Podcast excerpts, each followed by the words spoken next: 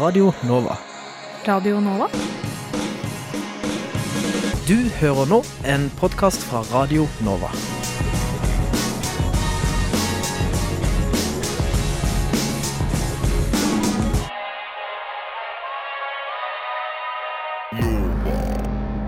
Adolescence heter de med låta 30 Seconds to Malibu. Uh, albumet heter eh, La Vendetta.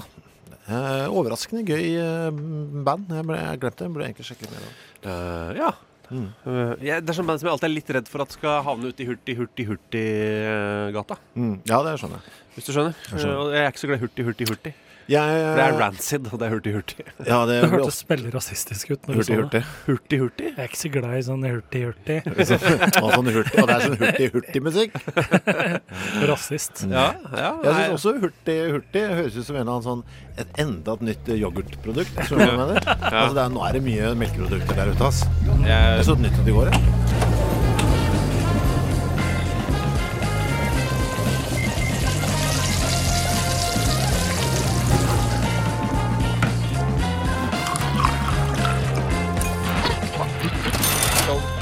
Du hører nå på Lunsjpod.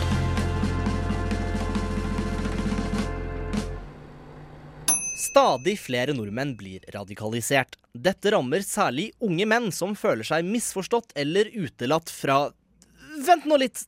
Dette handler om meg, gjør det ikke det? Herman Arneberg Johnsen var 20 år gammel da han ble offer for radikalisering. Erlend, dette er ikke sant. Jeg er en helt Herman van... hadde lenge følt seg utestengt og slet med å opprette sosiale bånd. Jeg har mange venner, Erlend. I fravær av et fungerende sosialt liv søkte Herman tilflukt i sosiale medier. Jeg er politisk veldig moderat, egentlig. Øh, Jeg vurderer å stemme MDG, liksom.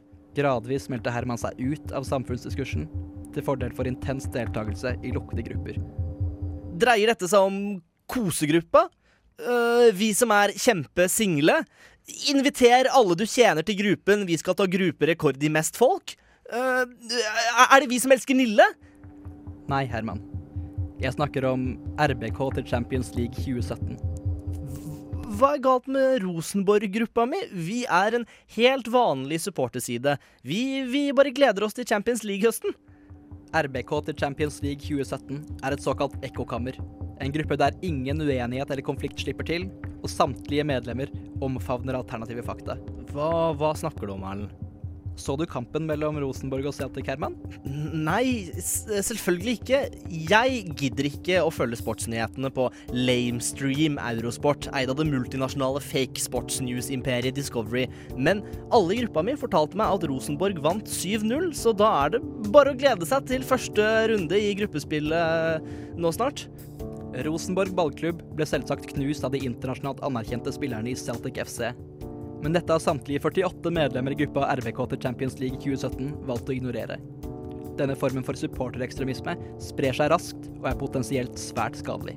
Supportergrupper er sosiale og handler først og fremst om vennskapelig feiring av idrettsbragder. Men det er ikke til å stue under en stol at radikaliserte supportere kan gjøre mye skade. I forrige uke henrettet en gjeng Vålerenga-ekstremister 10 000 kanarifugler. Og i våres forårsaket en radikalisert fraksjon av menigheten kaos i Kristiansand, da de var overbevist om at IK Start-spiller Espen Børufsen var Jesu gjenkomst, og derfor la jakkene sine foran føttene hans og stjal et esel fra dyreparken, så han kunne ri det til stadion. Jeg synes det er viktig å få fram flere sider ved denne saken. Vi i RBK vi i RBK til Champions League 2017 får mye oppmerksomhet fordi vi mener Rosenborg er kvalifisert til Champions League, men ingen medier har ennå påpekt at vi f.eks. tror på global oppvarming, og at vi vil ha Norge ut av EØS. Det er det som er de virkelige kjernesakene våre.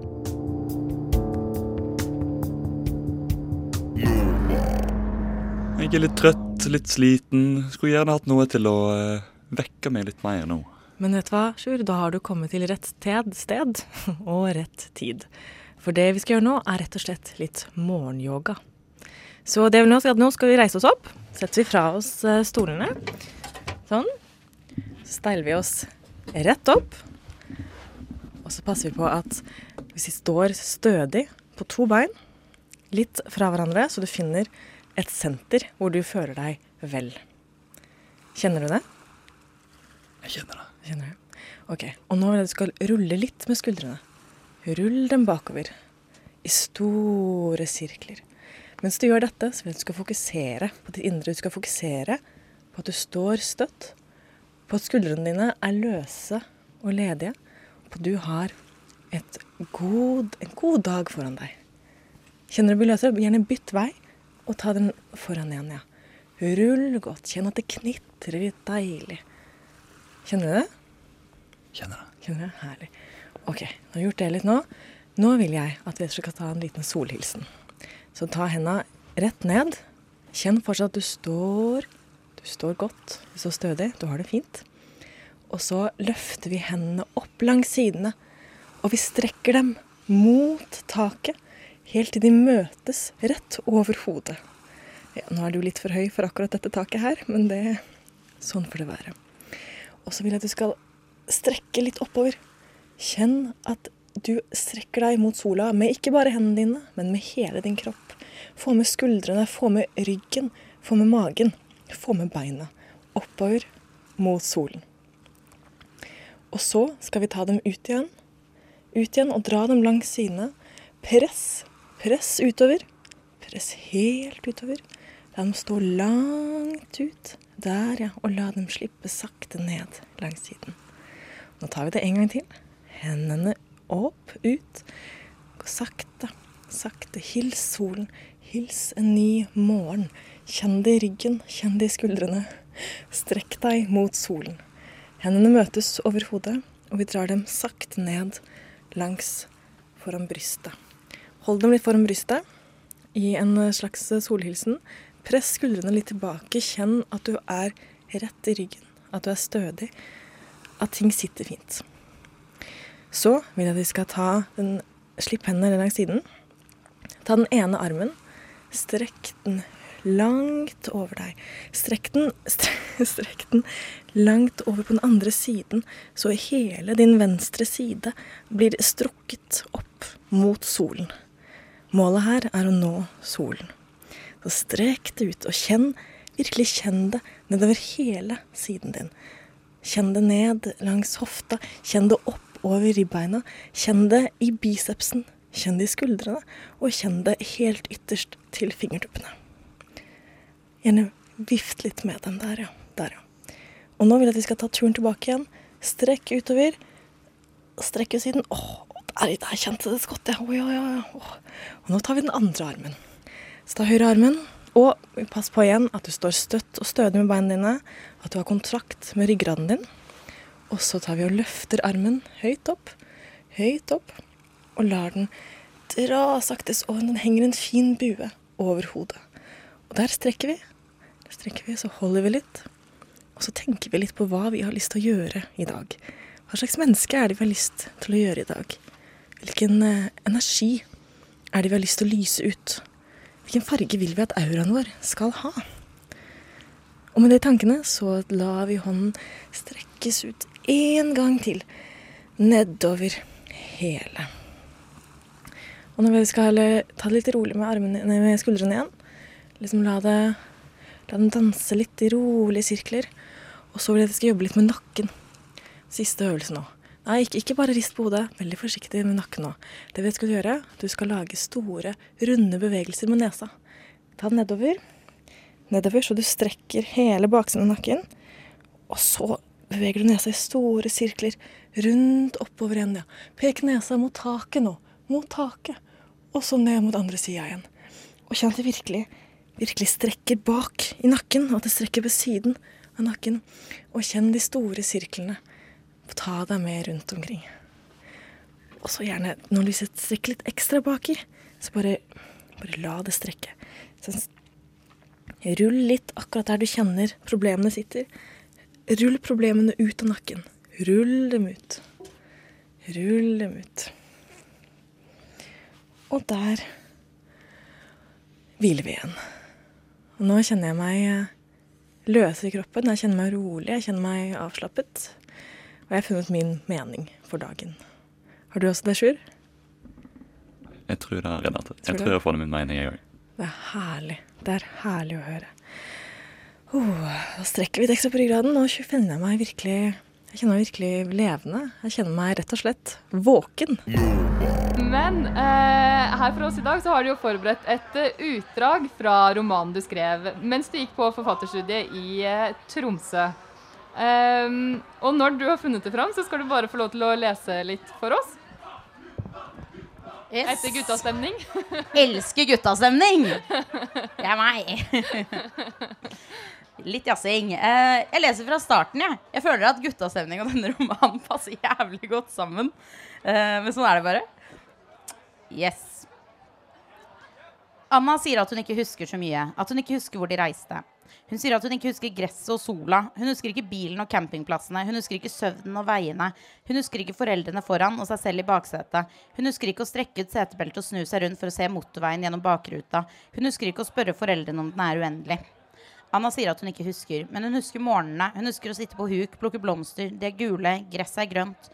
Tørt er sola, brent sterkest. Sterk. Gresset vannes ikke annet enn regnvær. Det regner ikke ofte her. Mellom gresstråene vokser de små gule blomstene som Anna plukker. Smørblomster. Anna sitter på huk, samler blomstene i den ene hånda, plukker med den andre. Foran Anna går gresset over i en åker. Lysegule aks blir bøyd av vinden. Rett bak åkeren ligger det en skog på en lav åskam. Løvtrær, mørkegrønne. Bare et gjerde skiller åkeren og skogen. Anna vender ryggen mot campingplassen hun og familien har sovet på den natta. Hun sitter på huk, lener rumpa mot baksiden av leggene, plukker smørblomster. Hun har lilla buksedrakt med lysegule stjerner på. Hun har brune, praktiske sandaler. Hun plukker smørblomster. Hun ser ned i bakken. Biter seg i underleppa når hun konsentrerer seg. Håret faller ned foran ansiktet. Anna har tjukt og lyst hår i bollesveis, tynne armer, runde kinn. Hun plukker smørblomster til mamma, til pappa. De sover fortsatt på campingplassen. De skal snart spise frokost utenfor teltet. De skal snart starte bilen, rope på Anna, si at hun må kjappe seg, nå skal de videre. Nå skal de kjøre videre på de sentraleuropeiske veiene, videre på autobahn, autorut, autovias, ny, til nye rasteplasser og nye campingplasser. Anna i baksetet. Hun har bare kastet opp en eneste gang i løpet av turen. Hun er stolt, for foreldrene har sagt at det er veldig bra. Hun sover mye. Hun sover mens bilen glir forbi tollstasjoner, bomstasjoner, landegrenser. Kroppen hennes ligger rundt Idas. En arm under hodet hennes, en rundt livet hennes, et bein inntil beina hennes, et bein over beina hennes, hodet tett mot øret hennes, jevn pust. Ida beveger seg forsiktig mellom lemmene hennes. Anna trekker Idas kropp nærmere sin egen. Er du våken, sier Ida. Det er stille i rommet. Anna myser. Det lille lyset som siver inn mellom gardinene, tilsier at det ikke er morgen ennå. Utenfor motellet er sola snart på vei opp. Det er stille på motorveien utenfor. Ingen biler som suser forbi. Ingen biler. Ingen lyder av sterkere, svakere, sterkere, svakere. Ingen lyder fra rommet til venstre. Ingen lyder fra rommet til høyre. Ingen lyder fra resepsjonen. Kanskje står bordvifta fortsatt på. Kanskje durer datamaskinen der borte. Det er for langt unna til at lyden trenger inn på deres motellrom. Nummer seks i rekken. Vinduet står på gløtt. Snart våkner fuglene.